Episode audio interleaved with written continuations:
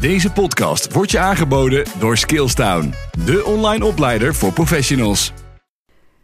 Dag luisteraar, leuk dat je weer hebt afgestemd op een podcastgesprek in de serie Organiseren van Corporate Leren. Mijn naam is Mieke Postumus en in mijn gelijknamige witboek, Google mijn naam en je vindt het online, beschrijf ik mijn kennis en ervaring met het bouwen van leerhuizen, van academies zo, zo je wilt. Aanvullend op het witboek heb ik acht podcastgesprekken gevoerd met mensen uit het vakgebied. Maar er zijn nog veel meer mooie verhalen over corporate leren te vertellen. Daarom zetten we, en dat zijn Skillstown en ik, de reeks voort. Met vandaag ook weer een hele interessante gast. Op LinkedIn is ze niet meer weg te denken. Sinds oktober 2019, toen ze haar bedrijf Expert Trainers startte, geeft ze er regelmatig updates over haar online trainingen in didactiek. Haar bedrijf startte zij omdat zij de droom had ooit met haar vriend de wereld uh, rond te zeilen en vanaf de boot online trainingen wilde gaan geven. Ze konden niet vermoeden dat met het uitbreken van de coronacrisis in maart 2020 het trainingsbureau en daarmee de reis in een stroomversnelling zou raken. Dus vanaf 1 mei vorig jaar gooide zij de trossen los en sindsdien is zij een digital sea nomad. Kortom, Laura van den Oude, want over haar heb ik het, mag in deze reeks over organiseren van corporate leren niet ontbreken. Welkom Laura. Ja, dankjewel. Fijn om hier te zijn en uh, wat een mooie introductie. nou, helemaal goed.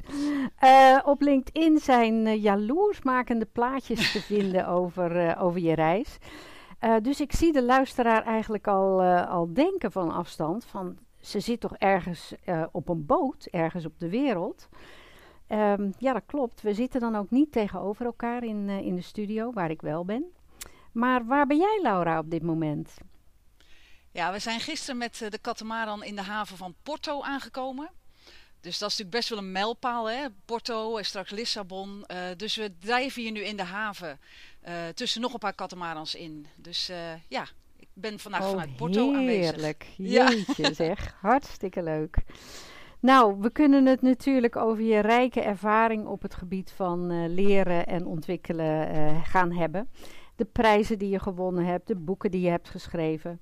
Maar daarvoor uh, zou ik de luisteraar willen verwijzen naar je, naar je website, experttrainers.nl. En vandaag zou ik het graag met je willen hebben over de lessen die jij geleerd hebt, hè, als expert natuurlijk op het online leren, over dat online leren. Dus welke lessen heb, heb jij, uh, heb jij uh, opgedaan in de afgelopen, nou, ruim jaar is het inmiddels, en daarvoor deed je het natuurlijk ook al. Maar eerst wil ik je nog even iets anders, uh, uh, wil ik nog iets anders zeggen. Want ik heb je vooraf gevraagd naar je ideeën over hoe je een podcast tot een echt leermiddel zou ja. kunnen maken. Nou, dat is een, uh, een uitdagende vraag, want deze podcast is geen onderdeel van officieel van een blended leertraject, maar een standalone. Maar toch heb je de uitdaging, ben je aangegaan en... Um, ja, heb je een aantal didactische werkvormen voor ons in petto. Kun je daar iets over vertellen? Ja, ja, want het mooiste is natuurlijk als podcast onderdeel maakt van een heel traject. Dus dan kan je bijvoorbeeld vooraf aankondigen in de zaal van nou, jullie gaan een podcast kijken, dat doen mensen dan thuis, daarna kun je nog napraten. Nou, dat hebben we hier niet. We hebben hier geen voor en na. Uh, maar toch heb ik twee didactische werkvormen bedacht, waardoor het toch interactief is, ondanks dat het een opname is. Ja, en ik wil de luisteraar zeggen, je gaat het vanzelf merken. We gaan uh, aan het eind onthullen wat we hebben gedaan, welke twee werkvormen erin versleuteld zaten.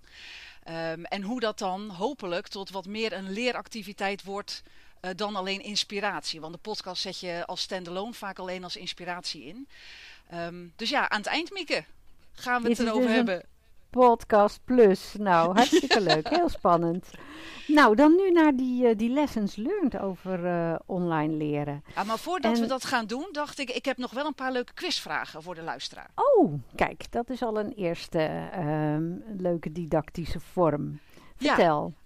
Ja, dus ik wil eigenlijk iedereen vragen die nu aan het luisteren is: pak even een pen en papier. Of als je hè, wat minder oldschool bent, gewoon uh, maak even een digitaal notitieblokje. Ik heb drie quizvragen, want we zijn natuurlijk allemaal in online ondergedompeld. Uh, dus ik wilde eigenlijk weten wat de luisteraar al weet over online. Want er zijn inmiddels zoveel feiten al bekend. Dus drie meer keuzevragen met alle drie een ABC. Dus hier komt hij. Schrijf lekker mee. Aan het eind hebben we het over de, de antwoorden. De okay. eerste vraag is: Wacht even, uh, wacht even. We, uh, ja. nou, ik, ik zet nog, e-, zeg nog even een paar dingen als herhaling, zodat mensen echt die pen en papier kunnen pakken. Want anders dan zou dat jammer zijn dat ja. ze te, te, laat zijn. Jij gaat dus drie quizvragen stellen. Ja. Hè, of drie vragen stellen. Um, de antwoorden worden in de loop van de tijd, kunnen mensen daar de antwoorden in, in vinden, hè, in de loop van ons gesprek. En ja. aan het eind ga je de, de antwoorden geven. Ja, heb ik het Klopt. zo goed samengevat? Oké. Nou, dan uh, gaan we er maar vanuit dat iedereen pen en papier of zijn vingers bij de hand heeft. En uh, je eerste vraag. Ja, de eerste is, uh, hoe lang denk jij dat iemand nou online kan luisteren naar een monoloog die iemand afsteekt? Dus hè, soms zijn trainers zo op dreef dat ze een heel verhaal vertellen. Wanneer haken de mensen online af? Is dat A, na 7 minuten? B na 15 minuten of C na 20 minuten online alleen maar luisteren? Dus dat is mijn eerste vraag. A, en nogmaals, de antwoorden komen in de loop van dit gesprek. Klopt. Ga jij daarop ja. in? Ja, oké. Okay. Vraag 2. Um, we hebben deze podcast opgenomen en stel dat we jou over 24 uur gaan bellen. En dan vragen we, wat weet je nog van die 10 lessen? En uh, na 24 uur, hoeveel procent weet je normaal gesproken nog van een presentatie of van een podcast of van een meeting? Is dat A, 10 procent? Dus dat zou betekenen dat je één van die 10 lessen die we zo meteen gaan doornemen nog weet. Is dat B, 33 procent dat je nog weet? Of is dat C, 50 procent? Dus noteer even, vraag 2, ABC, hoeveel procent weet je nog na 24 uur? Nou, dan komt de laatste. Ik heb onlangs een hele interessante uh, presentatie bijgewoond over geheugen, online en hersenen en hoe werkt dat. Hoeveel verschillende gebieden, denken jullie, heeft het brein voor opslag van informatie? Dus hoeveel gebieden heeft het brein voor opslag van geheugeninformatie? Is dat A, twee gebieden? Is dat B, vijf gebieden? Is dat C, negen gebieden? Nou, noteer je antwoorden, hou ze bij de hand, want aan het eind gaan we dus de, de antwoorden bespreken. En ze komen dus gedurende deze podcast langs. Komen de, de, de antwoorden in welke vorm dan ook uh, langs. Nou, leuk Laura, dankjewel. Dus drie uitdagende vragen. Ik hoop dat iedereen meegeschreven heeft. Of als je luistert dat je meegeschreven heeft, hebt. En dan, uh, ja, dan gaan we nu naar uh, jouw lessons learned over online leren. En toen ik je er naar vroeg, zei je nou, ik heb er tien. nou, laten we ze dan alle tien maar, uh, maar doornemen. Ja, ja de, de eerste vind ik wel een belangrijke. En ik denk dat iedereen dit wel herkent. Dat een goede start in een online sessie is echt uh, cruciaal als het een, echt een leerinterventie moet worden. Ik merk het zelf ook vaak. Als ik zelf een leerinterventie bijwoon of een presentatie, dan gaat de presentator gewoon vaak van start met de inhoud. Met uh, dit gaan we behandelen of dit zijn de slides. Terwijl er gebeuren in je hersenen nog een paar andere dingen. Je wil eigenlijk weten wie is die persoon online? Wie zitten hier nog meer? Want vaak zie je in teams iets van twintig gezichten. Uh, hoe mag ik vragen stellen? Moet ik dan een handje opsteken? Mag ik diegene wel of niet onderbreken? Dus wat er gebeurt als je geen goede start maakt, want ik noem het dan geen goede start als je meteen naar de inhoud gaat, um, ja, dan zijn, is je hersenen zijn continu bezig met, oh jee, hoe gaan we het nou doen? Hoe gaan we nou samenwerken bijvoorbeeld? He, dus je, wat ze noemen je reptiele brein is continu aan het scannen, is alert op gevaar. En dat belemmert je, je andere brein, wat veel meer bezig is met plannen, leren. Daar zit ook het gebied wat met leren te maken heeft. Dus mensen luisteren niet. Daar komt het eigenlijk feitelijk op neer. Als je een aantal dingen niet hebt gedaan. Dus ja, waar ik iedereen eigenlijk wil oproepen die opleidingskundige is of trainer is, er moeten drie dingen gebeuren. De eerste 10% van een online leerinterventie. Um, en dat is dat je aandacht hebt voor wat gaat er eigenlijk allemaal komen, dus zeker de inhoud. wie zit hier allemaal. Dus er moet iets gebeuren van kennismaking, jezelf voorstellen. Maar ook op het gebied van proces, hoe gaan we samenwerken? Is er een pauze? Krijg je de slides? Moet ik mijn hand opsteken? Moet ik iets in de chat zetten? Pas als die drie dingen zijn geweest, dan zegt dat reptiele brein: Oké, ik weet waar ik aan toe ben. Oh, dit kan ook best wel eens leuk worden. En dan, als het ware, springt dat andere brein aan van: Ik heb rust en ik ga luisteren naar de inhoud. Ja, want dan heb, wat je zegt, dan heb je de rust om, om echt te gaan, gaan luisteren.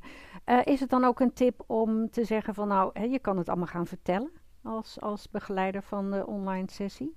Uh, dat je dat al ergens hebt opgeschreven of dat je die informatie op een andere manier uh, al gegeven hebt. Wellicht ja. nog wat herhaald, maar ja, dat is dan zelfs. in dit geval niet erg. Hè? Dat lijkt me ook, ja. Dus dat ja. is veel mogelijk dat mensen geen ruis hebben en dat ze echt helemaal kunnen gaan voor die inhoud. Ja, en ja. stel dat je bijvoorbeeld een, een brainstorm organiseert, hè, want we hebben het over het organiseren van leren. Nou, een brainstorm met, met een team um, en die is anderhalf uur. Dat betekent dat je eigenlijk van tevoren in e-mail zou kunnen zeggen: jongens, we zijn met die mensen, dit wordt de inhoud en we gaan zo samenwerken.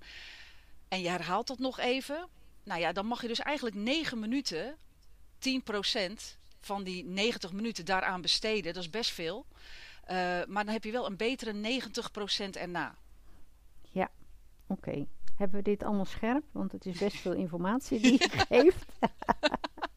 En dat is mooi van de podcast. Ook... Je kan hem terugluisteren. Je toch? kan hem terugluisteren. nou, dat is al uh, dat is een extra tip. en uh, we hebben het gehad over een top 2. Ja, dat is een goede dat je dat zegt. Want wat we de luisteraar willen vragen, we gaan dus 10 lessons learned doornemen. Je hebt als goed is nog steeds dat, die pen en papier bij de hand. Um, de eerste was dus een goede start is belangrijk online. Um, zou je elk van die tien onderdelen willen noteren. Uh, want dan wil ik jullie namelijk aan het eind vragen, wat is je top 2? Dus uh, ik hoop natuurlijk dat je alle 10 tips interessant vindt. Maar die top 2, uh, daar ben ik straks benieuwd naar, naar het eind. Dus schrijf lekker mee. Misschien schrijf je ja. nog wel wat meer dingen op dan alleen de 10 tips. Maar die 10 zijn wel even belangrijk voor jouw persoonlijke top 2 aan het eind. Maar goed, de mensen geven aan het eind die top 2. Um, nee, ja, hoe, hoe geven die mensen dat door? Dat, dan, dan, kun je daar iets over zeggen? Want iedereen gaat nu bedenken van, van die tien ja. tips van jou. Welke zijn mijn favorieten? En wat doen ja. we daarmee? Of ga je dat aan het eind vertellen? Dat ga ik aan het eind vertellen, ja. Dat ga je aan het eind vertellen, oké. Okay. Goed, dus um, uh, ja, van de tien tips die Laura gaat geven, um, schrijf ze even mee en uh, kijk aan het eind. En Laura vertelt dan hoe. Uh, welke van die, van die tien voor jou de twee meest ja, waardevolle, interessantste, boeiendste zijn. Nou, de eerste hebben we dus gehad. Een goede start is cruciaal bij, uh, bij online leerinterventies. En de tweede die je mij hebt aangegeven is dat creativiteit bloeit online. Dat is een hele spannende. Ja, ja. Want... Nou, wat ik heb gemerkt, ik denk hè, toen alles wegviel in maart 2020 en toen zijn mensen begonnen om online sessies te gaan ontwerpen. Um, ik merkte het bij mezelf ook. Je werd eigenlijk helemaal teruggeworpen op wat was ook alweer het doel van mijn leerinterventie om het weer helemaal opnieuw op te bouwen. Uh, dus soms kwamen mensen achter eigenlijk hele nieuwe ideeën die ze gewoon beter online konden doen dan dat ze eigenlijk van tevoren hadden bedacht. Dus je zag op jamboards hele creatieve sessies. Um, ik heb ook wel meegemaakt dat mensen gastsprekers vanuit andere landen lieten invliegen die dan hun onderzoekslaboratorium lieten zien. Waar je vroeger verwees naar een of andere professor, uh, kon je diegene nu echt uitnodigen en die kon het ook laten zien. Um, ik heb ook mensen gehoord die zeiden, we hebben dan een hele dag online training, maar dan had je een thuisbezorgd bon waarmee je dus een lekker broodje voor, die, voor dat uur kon bestellen. Uh, en dat werd dan thuis bij jou bezorgd. Dus ik merkte dat er heel veel creativiteit op gang kwam. Dus dat doet uh, de vorm ook. Hè? Als, als de vorm ja. wordt weggepakt bij je en je moet een nieuwe gaan invullen, dan ineens kunnen er ook andere vormen ontstaan. Ja, dus je bedoelt bij de ontwikkelaars, hè? de, de luisteraar ja. uh, zal veelal uh, ontwikkelaar of ontwerper zijn van leeractiviteiten. Die werd, of wordt eigenlijk min of meer gedwongen uh, om, om, om opnieuw te kijken naar zijn, zijn lesinhoud en dat op een andere manier didactisch vorm te geven. Ja. Met heel veel nieuwe mogelijkheden daarbij. Ja, zeker in het geval van blended. Absoluut, ja. ja. En om vanuit mezelf een, een voorbeeld te geven, dit was onlangs in mei. toen werd ik gevraagd om op een congres in Bussum uh, over groepsdynamiek te komen praten. Nou, ik ben er dus niet, hè, want ik zat toen ergens in uh, Frankrijk op de boot. Um, en toen zei mijn opdrachtgever: Oh, maar dan kun je misschien ook een opname maken. Ik zei, nou, dat zou ik graag willen doen. Uh, want ik kon er zelfs ook live niet bij zijn. Want op hun moment had ik al een andere uh, live online training. Dus uh, ik heb een opname gemaakt. Daarin zat ook een opdracht. waarin de groepen iets met elkaar moesten brainstormen. Daarna werd mijn opname stilgezet en daarna ging die weer aan. Het leuke was wat daar gebeurde is dat mensen in de zaal aan het eind hun hand opstaken om mij vragen te stellen. Nou, dat is toch grappig dat dat al gebeurt. zo levensecht had je het neergezet. En zo ja, groot blijkbaar. was het scherm waarschijnlijk. Ja, ja, ja, ja, ja. Nou, ik heb dat zelf ook gemerkt bij de, bij de uh, online uh, sessies. Uh, iets wat natuurlijk eigenlijk al veel langer kon, maar dat je iemand die een, een, goed verhaal heeft, een mooi verhaal, een, een, een, een duur persoon zal ik het maar even noemen, die kun je gewoon opnemen en dan kun je het heel vaak hergebruiken. In plaats van die persoon iedere keer opnieuw in te huren voor elke uh, sessie die je uitvoert. Dus ja, ik, ik, ik ga er wel in mee. Uh, digitaal geeft, uh, of de creativiteit bloeit, bloeit op bij als je ja. over online leren neerdenkt. dus ik neem aan dat de luisteraar zich hierin herkent. En als niet, nou, dan gaat hij dat nu wel toepassen, denk ik. Ja, leuk. Leuk. Oké, dat was de, de tweede. De, de derde. Uh, digitaal zelfvertrouwen is heel verschillend. Oh, dat is ook een interessante. Digitaal ja, zelfvertrouwen. Ik merk ook dat het eigenlijk niet zoveel met uh, bijvoorbeeld leeftijd te maken heeft. Of mensen zich comfortabel voelen bij teams. Of er veel mee kunnen doen of willen doen. Het heeft vooral te maken met vlieguren. Hè, in het begin waren we natuurlijk allemaal een beetje aan het stuntelen. Hoe werkt dat? Met die breakout rooms. Hoe werkt het om bijvoorbeeld uh, mensen in groepjes weg te zetten? Um, nou, naarmate het je vaker doet, word je ook wat meer, krijg je meer zelfvertrouwen in hoe dat je online kan samenwerken. Um, dus maar het probleem is eigenlijk dat het dus heel verschillend is. Als jij bijvoorbeeld bij de GGZ werkt en je hebt vooral met cliënten te maken met spreekuren, dan doe je vermoedelijk niet zo heel veel online. Uh, dus uh, vergaderingen worden dan misschien ook voor jou wat moeilijker om te leiden, omdat je gewoon niet de tijd hebt gehad in teams om dat allemaal uit te zoeken en allemaal te leren. Uh, dus wat ik belangrijk vind is toen we allemaal begonnen, dan zaten we allemaal in hetzelfde schuitje. Maar de een heeft wat meer vlieguren kunnen maken dan de ander. Dus waar ik graag toe wil oproepen, en de gemeente Rotterdam vind ik daar een heel mooi voorbeeld van. Die hebben een leeratelier. Um, elk week hebben ze op een donderdag, volgens mij in de middag, een moment dat je daar gewoon online naartoe kan komen in Teams. En dat je allerlei dingen kan uitproberen of vragen kan stellen. Van hoe doe ik dat dan met een jamboard? Of hoe regel ik dat met die breakout rooms? Um, en zo helpen we elkaar. En dat vind ik wel belangrijk, omdat mensen die nu achteraan het blijven zijn, dat wordt natuurlijk ook voor de toekomst, kan dat wat moeilijker worden. Want online ontwikkelt zich steeds verder. We gaan al naar ja. hybride toe. En die mensen blijven dan achter. En dat, ja, dat vind ik zo jammer. Dus ik zie het ook aan mijzelf als taak om, uh, als mensen vragen hebben, om dat dan ook echt of in een e-mailtje achteraf of nog even te blijven hangen om dat even met ze door te nemen. Ja, oké. Okay. Uh, Laura, ondertussen zie ik jou ook weer. Ja, even voor de luisteraar, wij zitten dus op grote afstand van elkaar, maar wij zien elkaar wel op een schermpje, Laura en ik dan. Ja. Uh, je was even weg, dus ik neem aan dat het geluid, uh, gaf hij aan dat dat wel gewoon doorliep.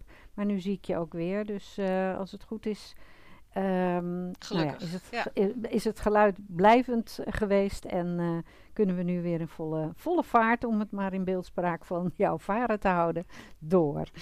dat digitaal zelf, een hele interessante. Dankjewel voor deze, deze mooie tip. En uh, tip 4, reskilling en upskilling online. Dat moet je toelichten. Ja, dus um, voor de mensen die zo meteen natuurlijk hun top 2 gaan aangeven. Nummer 4 gaat inderdaad over reskilling en upskilling. Uh, je merkt nu met Nederland leert door, met een stapbudget, leven lang leren, dat uh, de, veel mensen willen graag bijblijven in hun vak. Ja, online is dan natuurlijk een heel mooi middel om dat te doen. Als je goed bij wil blijven in je vak, zou je met uh, kennischunks van twee minuten uh, handige video's waarin je weer even kan opzoeken hoe zit ook alweer die ISO-term of hoe zit het ook weer met die ISO-regeling. Je kan vaak veel online vinden. Het is ook vaak allemaal interessant, maar niet altijd relevant voor jouw vak.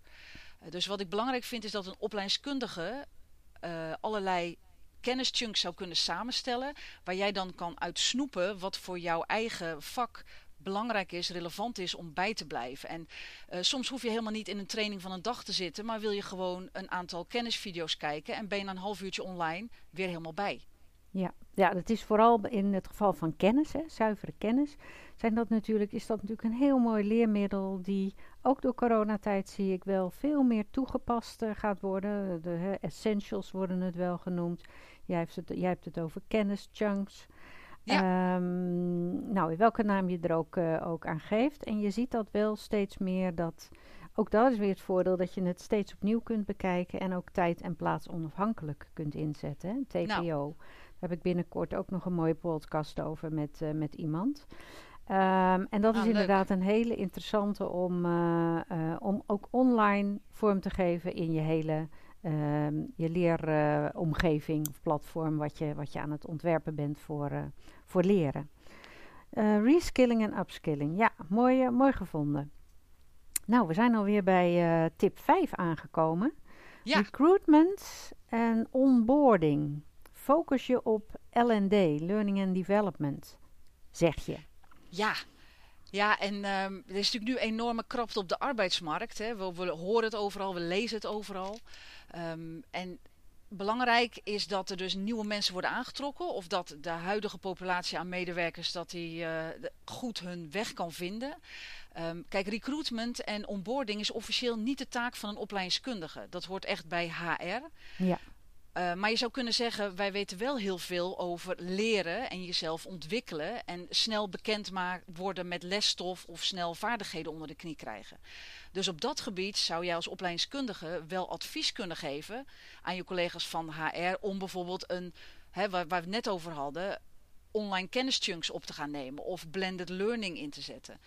Um, ik heb ook echt gemerkt dat academisch, als je het hebt over krapte op de arbeidsmarkt, als je geen academie hebt of een plek voor persoonlijke ontwikkeling, dan zeggen jonge talenten al vaak van ja, dat vind ik toch minder interessant. Dus uh, bij krappe arbeidsmarkt hebben mensen meer keuze. Uh, dus academisch is wat mij betreft ja, eigenlijk geen nice to have meer, maar nu ook een must have. Must have. Al is het alleen maar inderdaad om, ja, dat is natuurlijk altijd een bijvangst, maar om uh, in je uh, werving- en selectieprocedures aandacht aan te geven. Dat dat bij jou in de organisatie mogelijk is. Ja, ja, en de valkuil is natuurlijk dat je als opleidingskundige daar helemaal in meegezogen wordt. En dat je heel erg met recruitment en onboarding bezig gaat. Dat zou ik niet doen. Ik zou duidelijk aangeven dat je meer de ad adviesrol ja. hebt. Ja. Uh, maar daarin kun je natuurlijk heel goed advies geven. Ja, en, en daarbij ook dat om het onderwerp L&D wel op de agenda bij recruitment en onboarding te krijgen. Hè? Want dat wordt vaak niet gedaan, merk ik.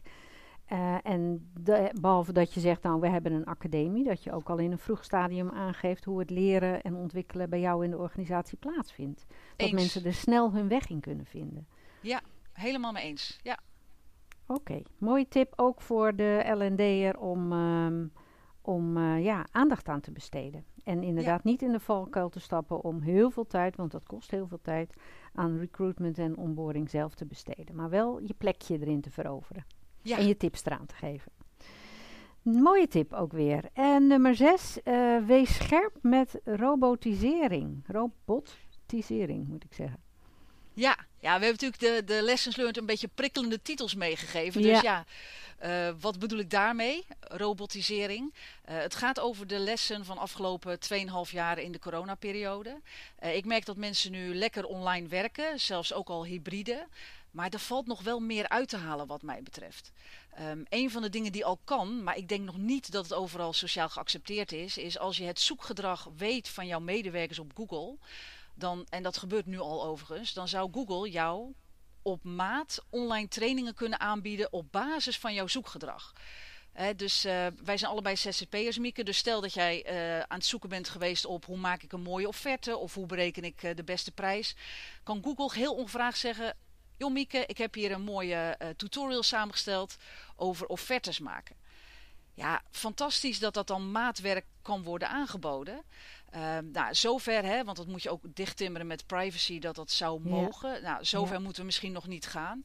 Maar een hele simpele zou al kunnen zijn dat je als opleidingskundige eens eens in de twee weken kan vragen aan uh, je collega van ICT of je collega van intranet, communicatie. Wat zijn nou de meest gebruikte zoektermen op ons intranet? Ehm, en de top 10 die jij dan krijgt, is dat ook de top 10 van het leeraanbod wat jullie aanbieden? Of merk je hele andere zoektermen waarvan je denkt, oh, ik zie dat mensen echt zoeken op ISO-regelingen. Uh, hoe ga ik om met boze klanten? En je hebt nog niks over boze klanten in je academy zitten. Ja, ja. Ik denk dat we dat onderschatten, dat daar veel meer uit te halen is. Ja, dat is een hele mooie manier om aan de leer, om, aanvullend om aan leervragen te komen. Wat leeft er in je organisatie? Ja, ja, en het ligt dus allemaal te wachten. Het ligt allemaal te wachten op ons. Ja, ja, ja. Nou, kijk, dit zijn inderdaad tips waar we iets mee kunnen, Laura. Hartstikke mooi. Scherp zijn op robotisering. Hartstikke goed. Um, ja, en dan is wat heel veel mensen, denk ik, uh, uh, bezighoudt. Kun je, uh, hè, voor corona was 70, 20, 10 natuurlijk het woord, nou misschien wel het meest gegoogelde woord vanuit de leerprofessionals. Maar kun je dat ook online toepassen? Ja, nou, ik wil best beweren dat dat kan. Um, kijk, de, de tien zit natuurlijk heel erg in uh, zenden, hè, de, meer de klassikale manieren. Nou, daarvan hebben we gezien dat in online dat mensen dat echt maar zeven minuten volhouden en dan beginnen ze af te dwalen. Dus ja, dat kun je dan gewoon niet op die manier doen. Dus je moet vaker komen met prikkels, met vragen, dat mensen aandacht blijven houden. Je moet het veel meer interactief maken. Um, ja, en mensen weten ook gewoon vaak na 24 uur nog maar een derde van wat er verteld is. Dus je moet iets anders doen als je 70-20-10 online wil implementeren. Um, wat ik bijvoorbeeld heb gemerkt, ik heb veel met acteurs gewerkt online. En wat die heel mooi doen, die zijn ook gewoon heel bescheiden over de ja, de middelen die online kan hebben. Maar wat ze heel slim doen is, dan zeggen ze bijvoorbeeld, nou, we gaan oefenen met feedback geven. Want online zie ik heel goed jouw mimiek. Ik hoor heel goed jouw stem. Dus laten we dat eerst eens oefenen online. Of laten we eens een intervisie houden waarbij ik echt kan letten op jouw non-verbale expressie. Um, en als we daarna bijvoorbeeld in een zaal bij elkaar komen, dat is meer de twintig, hè, dat je echt intervisie kan houden. Uh, en dan kunnen we ook echt in de zaal verder oefenen met je hele fysieke lichaam erbij. Dan heb je al een heel deel ingetraind in de tien, wat je daarna veel soepeler zou kunnen doen in de zaal in een wat meer vrije vorm. Uh, dus ik wil online ook echt wel meenemen in die 70-20-10. Dat dat op die manier zou kunnen. Ik heb ook um, mensen gehad die bijvoorbeeld zichzelf opnamen in MS Teams. En die bijvoorbeeld zeiden tijdens vergaderingen van... joh, ik heb een kleine tutorial gemaakt. Uh, ik heb die daar neergezet. Kijk daar eens naar. Dat is eigenlijk in de 70 heb je dan performance support om iets te kunnen opzoeken. Volgens mij moeten we online ook wat meer uitsmeren over die 70-20-10. En waar je het kan inzetten, dan daar ook inzetten. Ja, vraagt ook weer die creativiteit, hè, waar je het bij uh, tip 2 was het geloof ik over had. Ja. ja. Om goed na te denken over hoe kunnen we nou ook zo'n concept als 70-20-10 uh, vermengen met online leren. En nou ja, je geeft al een paar mooie uh, suggesties en voorbeelden hoe dat kan. Maar er zijn er vast nog wel veel meer. Heel leuk om verder over na te denken. Um, ja, dat was alweer nummer 7. Nummer 8. Als tip geef jij aan online borging. De, manager, uh, de betrokkenheid van de manager is heel erg belangrijk. Ja, dat is natuurlijk altijd. Maar ook bij online leren blijkbaar is jouw ervaring. Ja, omdat wat er nog wel eens uh, als voordeel gebeurde als ik op een locatie was in een bedrijf, dan was die manager binnen handbereik. Hè, en die kwam dan vaak of zat diegene de hele tijd erbij, of kwam aan het begin of het eind erbij.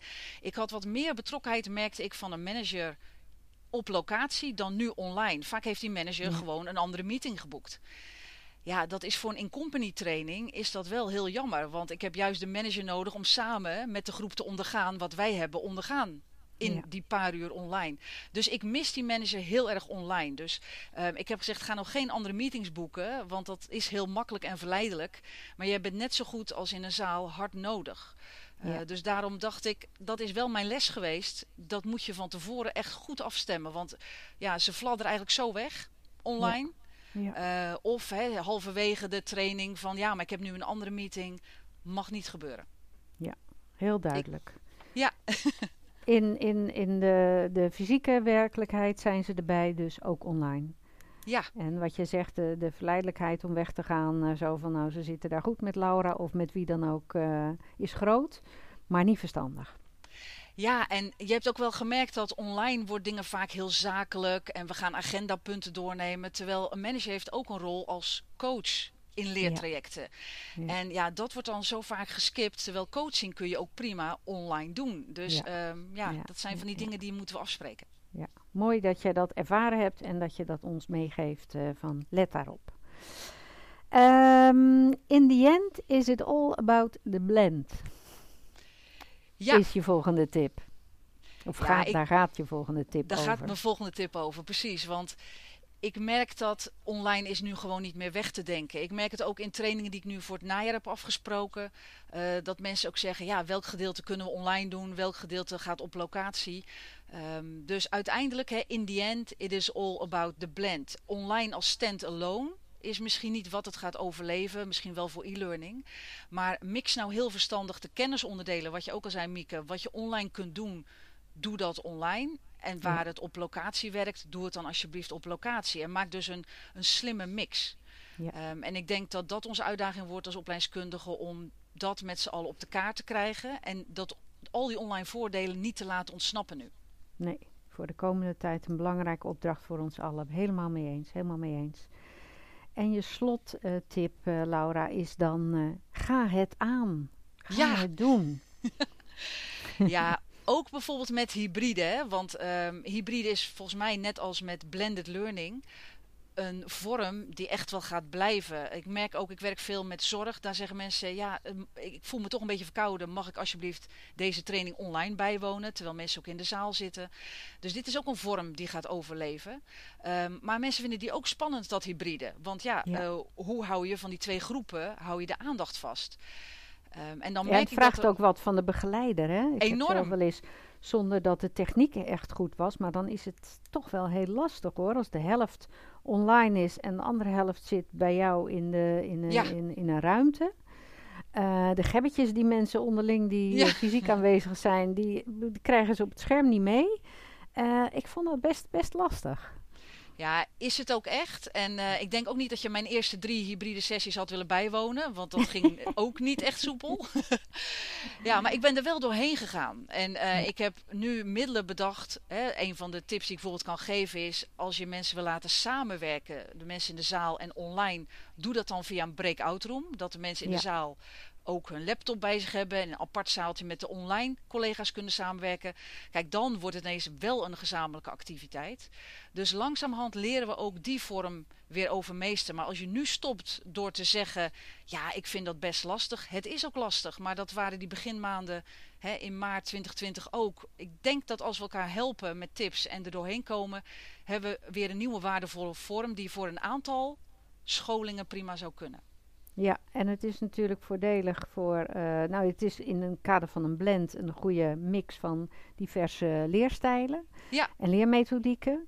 Maar ook uh, wat je zegt, als iemand verkouden is en toch mee wil doen, of als iemand heel ver weg woont en uh, toch zegt van ja, ik ben een halve dag aan het reizen, maar ik wil die cursus wel graag de aan, aan, deelnemen. de, de, de, de milieuproblematiek, dat niet meer iedereen in de auto stapt ja, dat zijn natuurlijk ook voordelen die we niet mogen vergeten, denk ik. Ja. Ook in ja. dat kader, uh, ga het aan. Ja.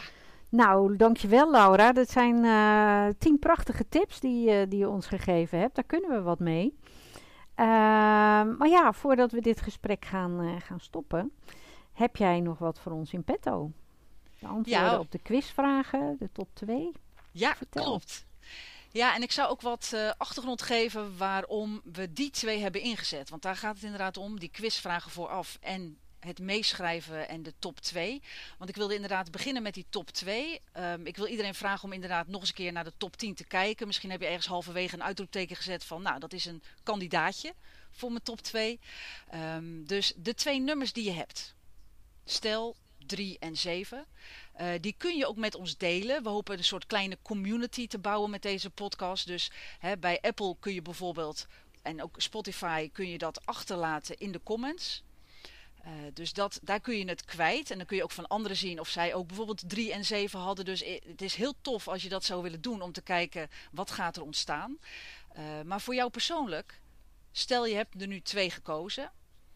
Het leuke is het feit dat je hebt meegeschreven maakte dat je niet in die zeven minuten valkuil bent getrapt. Want als wij gewoon waren gaan praten, Miek en ik, hè, en ik denk dat de podcast inmiddels wel meer dan een half uur duurt, waren jullie gewoon kwijt geweest na zeven minuten. Het feit dat je hebt meegeschreven en je kreeg een opdracht, maakt dat je focus blijft houden.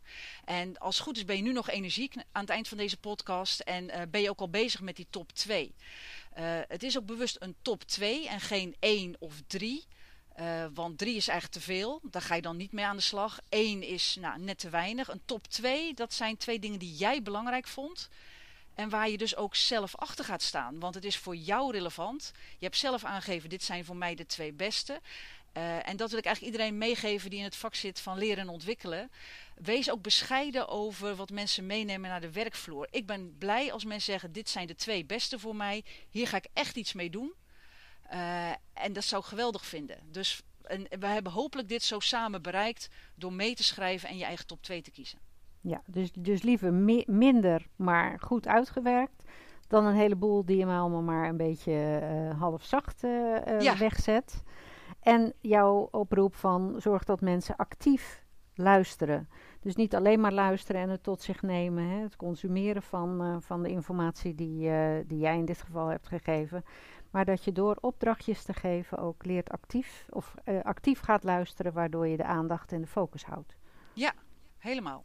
Hele ja. goede tips dus ook weer om in te bouwen in als je zelf met online leren of een podcast aan de gang gaat. Ja, ja en, en die drie quizvragen, dat was ook zo'n manier. Um, want ik merk heel vaak dat trainers zeggen van nou aan het eind gaan we een quizje doen. En dan overval je mensen er vaak mee. Dan denk je, oh, oh, quiz. Uh, je kan het ook andersom doen. Je kan ook zeggen, ik heb deze drie quizvragen en de antwoorden komen terwijl we vandaag bezig zijn. Uh, dus dat is ook een andere manier. En uh, het is wel leuk denk ik om die quizvragen nu de antwoorden ook te geven. Ja, zeker.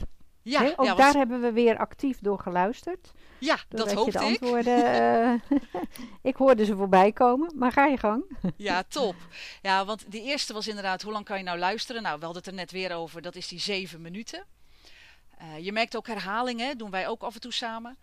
Um, de tweede is hoeveel procent weet je nog van deze podcast, van de top 10, als we jou over 24 uur bellen? Nou, dat zijn er dan toch wel hopelijk drie. Uh, hè, dus 33 procent was hier het, uh, het goede antwoord. En wat er hopelijk ook gebeurt als je gaat meeschrijven en die ja. top 2, ja, dan gaat dat denk ik wel omhoog. Ja.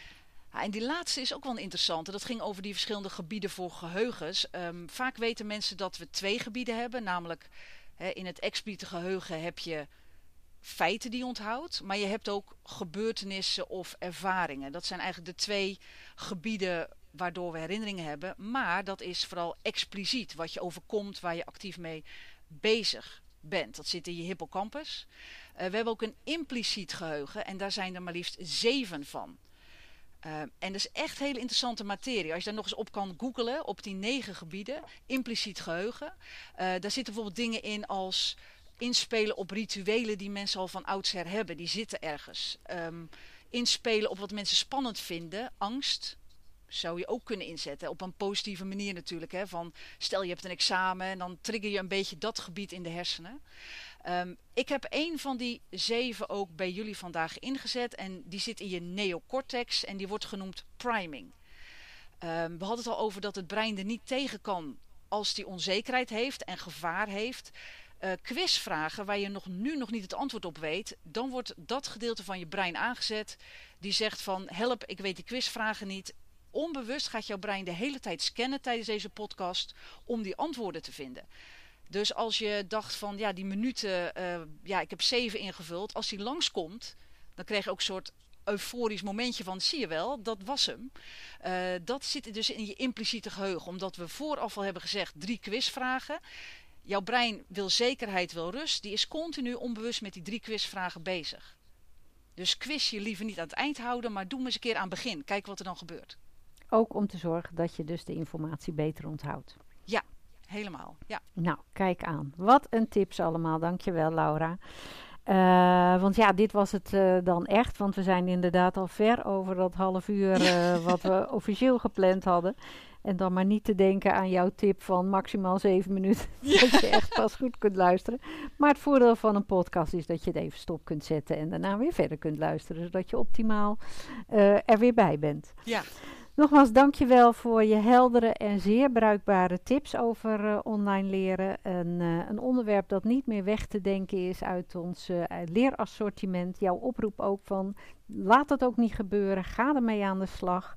het liefst blended om een zo goed mogelijke mix te krijgen. met jouw ervaring help je ons weer, heb je ons weer een stuk verder geholpen. Dankjewel daarvoor. Dankjewel ook. Nou, dat was het dan weer voor vandaag, uh, beste luisteraar. Luister ook naar alle andere mooie podcastgesprekken over corporate leren. En als je zelf een interessant verhaal hebt dat je met, uh, wilt delen met, uh, met mij en, en de collega's, neem dan contact met ons op. Dus heel graag tot een volgende keer. Deze podcast wordt je aangeboden door Skillstown, de online opleider voor professionals.